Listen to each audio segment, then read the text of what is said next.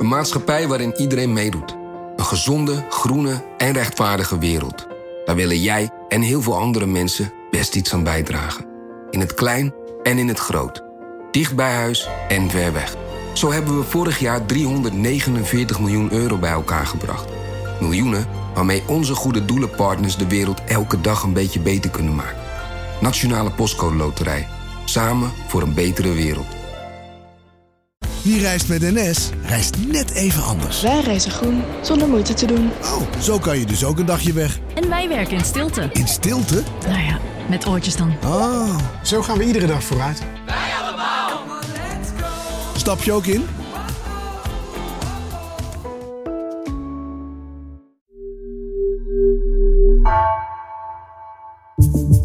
Vanaf de redactie van NRC het verhaal van vandaag. Mijn naam is Floor Boon.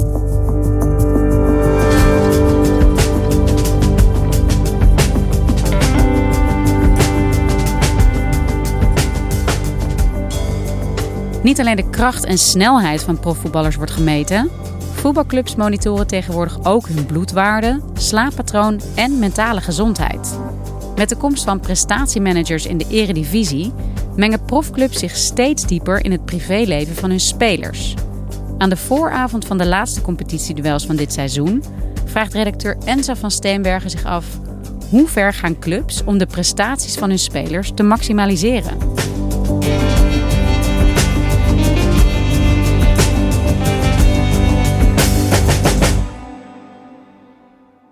Je leeft een droom, maar het continu moeten presteren, dat je een publiek figuur bent, eh, dat alles onder een eh, vergrootglas ligt. Dat, dat is niet voor te stellen voor mensen, hoe, hoe dat is. Dit is eh, Jan van Norel. Hij is ehm, performance manager van Vitesse, voetbalclub in Gelderland. En ik heb hem een tijdje geleden gesproken op het trainingscomplex van de club. En Jan is opgeleid als eh, bewegingswetenschapper. Hij werkt al lang in het voetbal. Eerst bij Herenveen en nu bij eh, Vitesse, acht jaar. En wat zijn vak eigenlijk inhoudt, is zorgen dat in alle aspecten van het leven van deze voetballers, dat ze zo fit mogelijk zijn. En hij wil eigenlijk alles weten van zijn spelers, van de spelers van Vitesse. Dus wie ze zijn, hoe het met ze gaat, hoe ze zich voelen. En daarover praat hij heel vaak met spelers. Bij ons is het vertrekpunt ook altijd de speler aan zich. Ja. Ja, komt vanuit het buitenland. Wat is zijn thuissituatie? Komt hij hier alleen wonen? Of komt hij met zijn vriendin? Eh, welke achtergrond heeft Ja. hij? En eh, ze voeren heel veel metingen uit. Ik moet de data hebben van, hey, Ja. wat heeft hij afgelopen weken gedaan? Wat, wat zien we? Op de trainingen ook. Is het iemand die na een paar keer al met de handen op de knieën staat en zie je een verhoogde ademhaling? Wat zie je in zijn hartslag? Maar dat is sowieso bij alle clubs het geval. Nu zie je dat eigenlijk iedereen dat doet. Eigenlijk op het gebied van fysiek wordt bijna alles gemonitord. Ja. Trainingen, wedstrijden. En ik heb eigenlijk altijd voetbal van de buitenkant gezien als supporter. En dan zie je alle successen, eh, teleurstellingen. Je ziet de spelers op het veld. En toen ik als journalist over sport ging schrijven, dan kijk je naar wedstrijden met een meer professionele blik. Maar wat er nou achter die wedstrijden gebeurt, hoe dag in dag uit wordt gewerkt aan, aan spelers, dat zie je toch niet echt. Dus wat ik me toen begon af te vragen, wat gebeurt er nou in die machinekamer van de eredivisieclubs? En zo kwam ik met Jan eh, van Norel in gesprek. En hij legt me eigenlijk voor het eerst uit dat nou ja, zijn beroep, prestatiemanager, dat dat überhaupt bestaat. En na dit gesprek ben ik ook bij heel veel andere clubs gaan praten. Eh, negen ploegen in totaal, met artsen en prestatiemanagers. En daardoor heb ik een heel goed beeld gekregen eh, van wat het betekent om een voetballer te zijn in de eredivisie. Spelers moeten eigenlijk een groot deel van hun leven als het ware overgeven aan de club. En de prijs die ze betalen is best wel hoog. Ja, en zo je hebt het over prestatiecoaches in het betaald voetbal in de eredivisie. Voor mij is dat eigenlijk iets nieuws. Wat willen die clubs precies allemaal weten van spelers? Wat meten ze? Nou, ik zou bijna zeggen, hou je vast. Want het is een enorme lijst. Uh, ze meten namelijk echt heel veel. En dat begint eigenlijk bij wat uh, metingen die vrij logisch lijken, die met voetbal te maken hebben. Uh, hoeveel kilometer lopen spelers?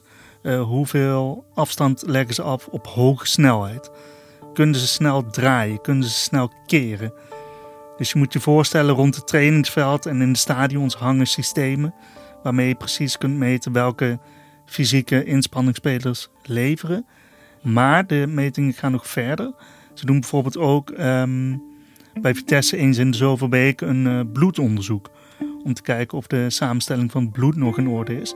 En aan de hand daarvan kijken ze of het uh, voedingsschema van de speler nog in orde is. En wat ze ook bijvoorbeeld doen is wat ze dan noemen een DEXA-scan. In feite is dat uh, het meten van het vetpercentage. De een die heeft van nature al een enorm laag vetpercentage. Dan moeten we eigenlijk sturen op je moet veel meer eten. En de ander die heeft van nature al een iets lagere verbranding. Dus ja, dan zitten we erg te op van hey, wat, wat moet je eten en hoe vaak moet je eten. Het is nog misschien wel logisch dat clubs willen dat spelers fysiek zo fit mogelijk zijn. En voeding speelt daarin een belangrijke rol. Je moet je voorstellen dat bij Vitesse spelers gaan lunchen en dan hebben ze een app waarin eigenlijk precies staat: je mag vandaag 200 gram groente en 100 gram vlees uh, en zoveel gram noten. En dat is per speler uh, individueel afgesteld. Ja, ik kan me best wel voorstellen dat clubs graag willen weten of hun spelers fit zijn. Maar dit gaat al behoorlijk ver, vind ik. Ja, en dat is echt nog lang niet alles wat clubs meten. Ze kijken ook naar de hersenen van spelers. Ze willen weten of de ogen van spelers goed zijn. Ze sturen spelers naar de tandarts. Want als er een probleem is met je tanden, dan kan dat wijzen op een ander fysiek probleem. Dus het lichaam wordt eigenlijk gezien als een soort maakbaar geheel waar een club helemaal al naar goede inzichten aan mag sleutelen. Ja, dus die club en die speler die beschouwen het dan eigenlijk allebei als een soort gedeeld belang. Dat de speler zo fit mogelijk is om zo goed mogelijk te kunnen presteren. Vandaar dus ook die naam prestatiecoach. En wat ook hoort bij presteren is goed slapen. Was voor mij ook weer nieuw dat clubs echt uh, zich gaan bezighouden met de slaap van hun spelers. Wat ze dus doen is ze laten spelers bijhouden hoe ze slapen. De spelers krijgen voor en na de training een, uh, een sms'je. Ja. En daarin worden vijf vragen gesteld over hoe heb je geslapen, ja. wat was je slaapkwaliteit, hoe zwaar was de training, um, hoeveel energie had je om de training te mhm. doen. En dan na de training krijgen ze andere vragen. En sommige clubs gaan zelfs zo ver dat ze dan letterlijk naar de slaapkamer van die speler toe gaan. Om te kijken van, hé, hey, lig jij wel op een goed kussen? Zijn die gordijnen wel uh, donker genoeg? Is de temperatuur hier in orde? Wat willen ze daarmee bereiken? Wat heeft het voor zin om ze een goed kussen aan te bieden? Eh, ja, verbeteren daarmee ook echt de prestaties op het veld? Ja, ik denk bij slapen dat je nog kunt zeggen van iedereen zal wel weten van als je een week slecht slaapt, dan voel je je niet zo fit. En als je dan een topprestatie moet leveren op het veld, zal dat lastig zijn. Maar over het algemeen is het wel zo dat clubs steeds dieper ingrijpen in het privéleven van hun spelers. Het is namelijk ook zo dat er heel veel wordt gevraagd naar het mentale welzijn van voetballers. Eén keer in de vier weken uh, zetten we een andere vragenlijstje uit. Waarin we op zoek zijn naar van hey, is er iets gebeurd in de uh, privéomgeving van de spelers. Dus je hebt clubs die uh, spelers ook apps laten invullen met vragen over hoe ze zich voelen. Hoe gaat het thuis? Ben je eenzaam? Uh, kunnen we iets voor je betekenen? En dat gaat alweer een uh, heel stuk verder dan echt kijken naar ben je fysiek topfit om te kunnen presteren. En waarom vinden clubs het zo belangrijk om ook te weten hoe spelers zich voelen? Nou, clubs vinden eigenlijk dat spelers hun in, op alle vlakken moeten ze zo fit en liefst ook gelukkig mogelijk zijn. Want fitte en gelukkige spelers presteren nu eenmaal beter. En dat is eigenlijk ook een beetje waarom die prestatiemanagers er überhaupt zijn gekomen. Uh, tien jaar geleden was dat ook nog niet zo in de eredivisie. Vroeger ging het over voetbal bij voetbalclubs, over tactiek en over uh, goede passes geven, over goed schot hebben, uh, goed kunnen verdedigen. En nu gaat het over wie ben jij als mens, hoe fit ben jij als speler, hoe atletisch en waardoor kunnen we het beste uit jou halen. En wat doen die clubs uiteindelijk met al die informatie die ze verzamelen? Ja, dat verschilt natuurlijk per uh, geval eigenlijk. Um, wat er vaak gebeurt is dat het in een soort database gaat per club.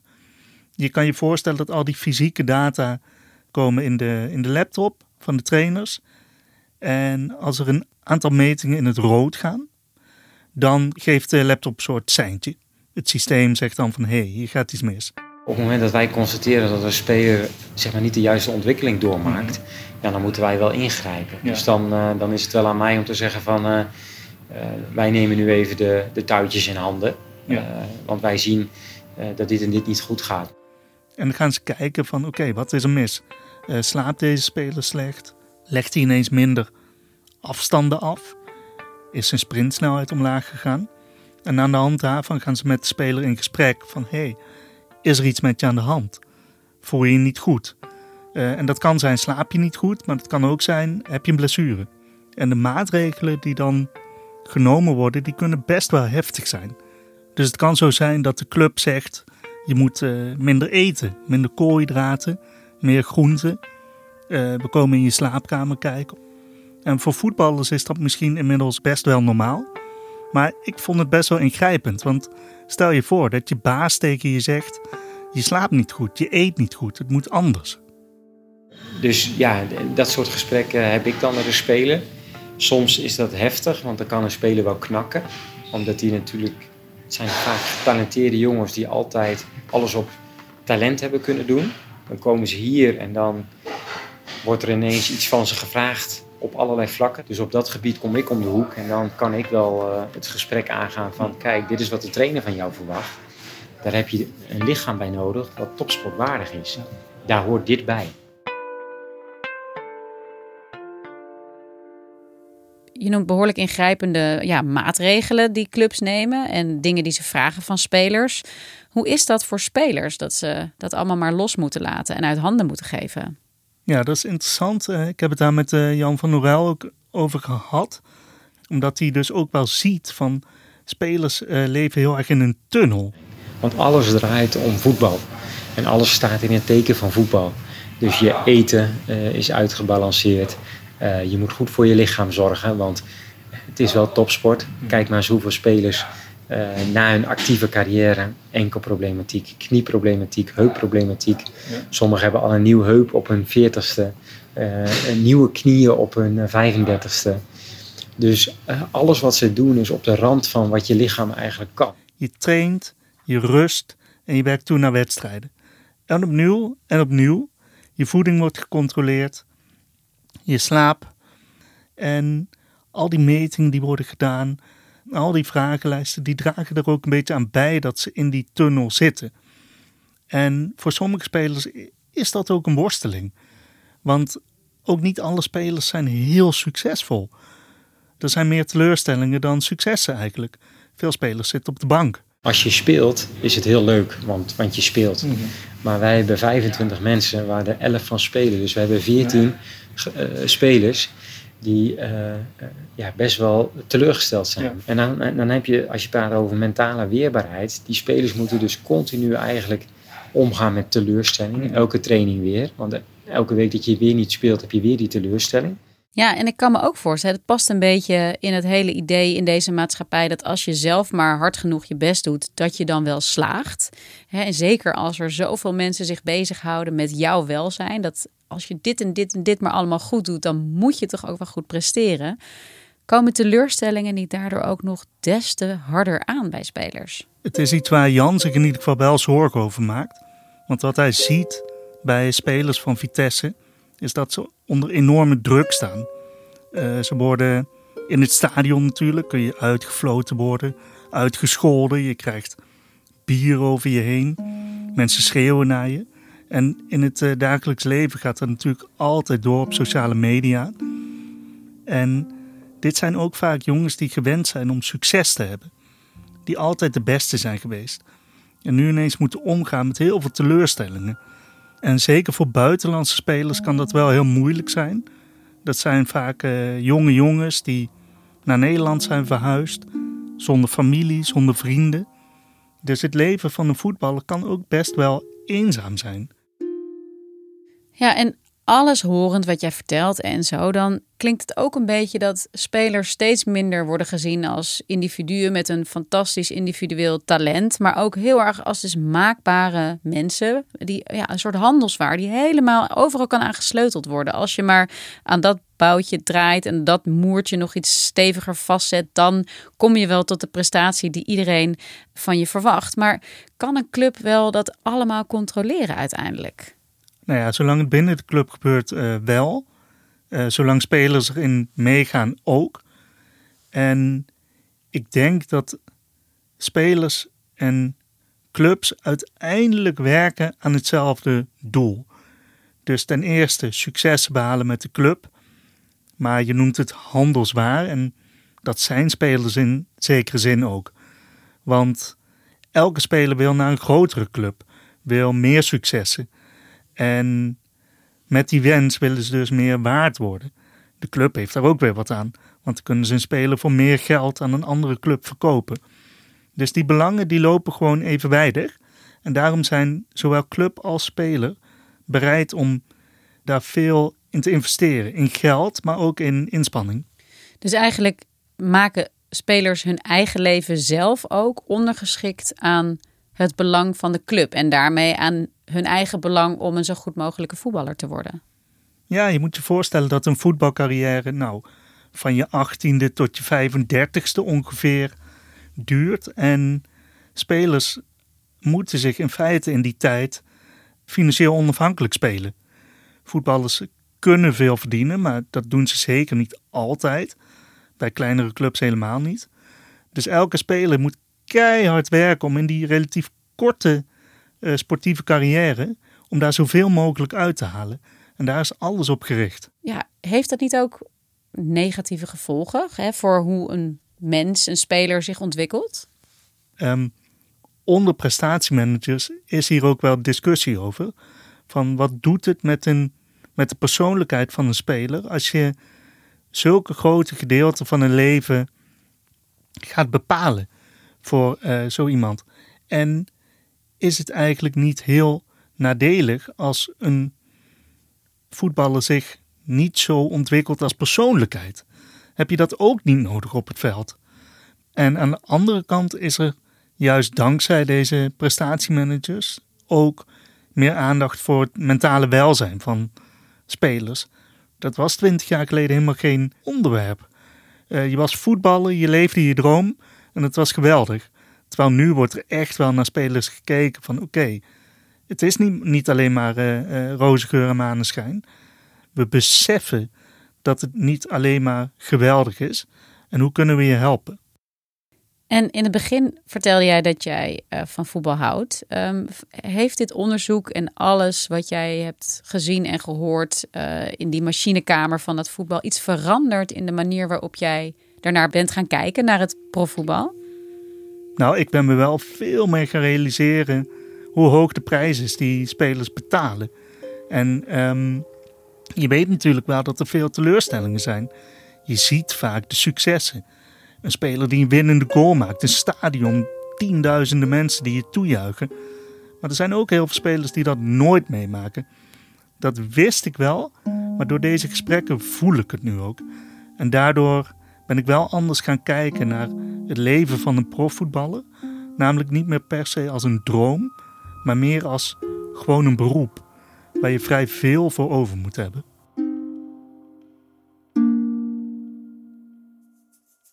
Dankjewel Enzo. Graag gedaan.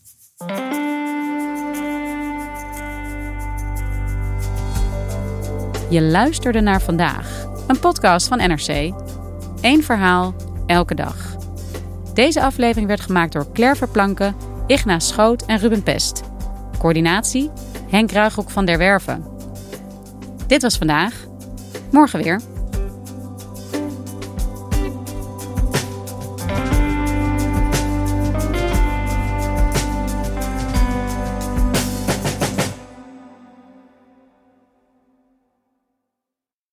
Nieuw Aquarius Red Peach Zero Sugar. Met zijn heerlijke frisse persiksmaak zonder suiker draagt Aquarius bij tot jouw dagelijkse hydratatie en helpt zo mee om je vochtbalans op peil te houden tijdens alledaagse actieve momenten.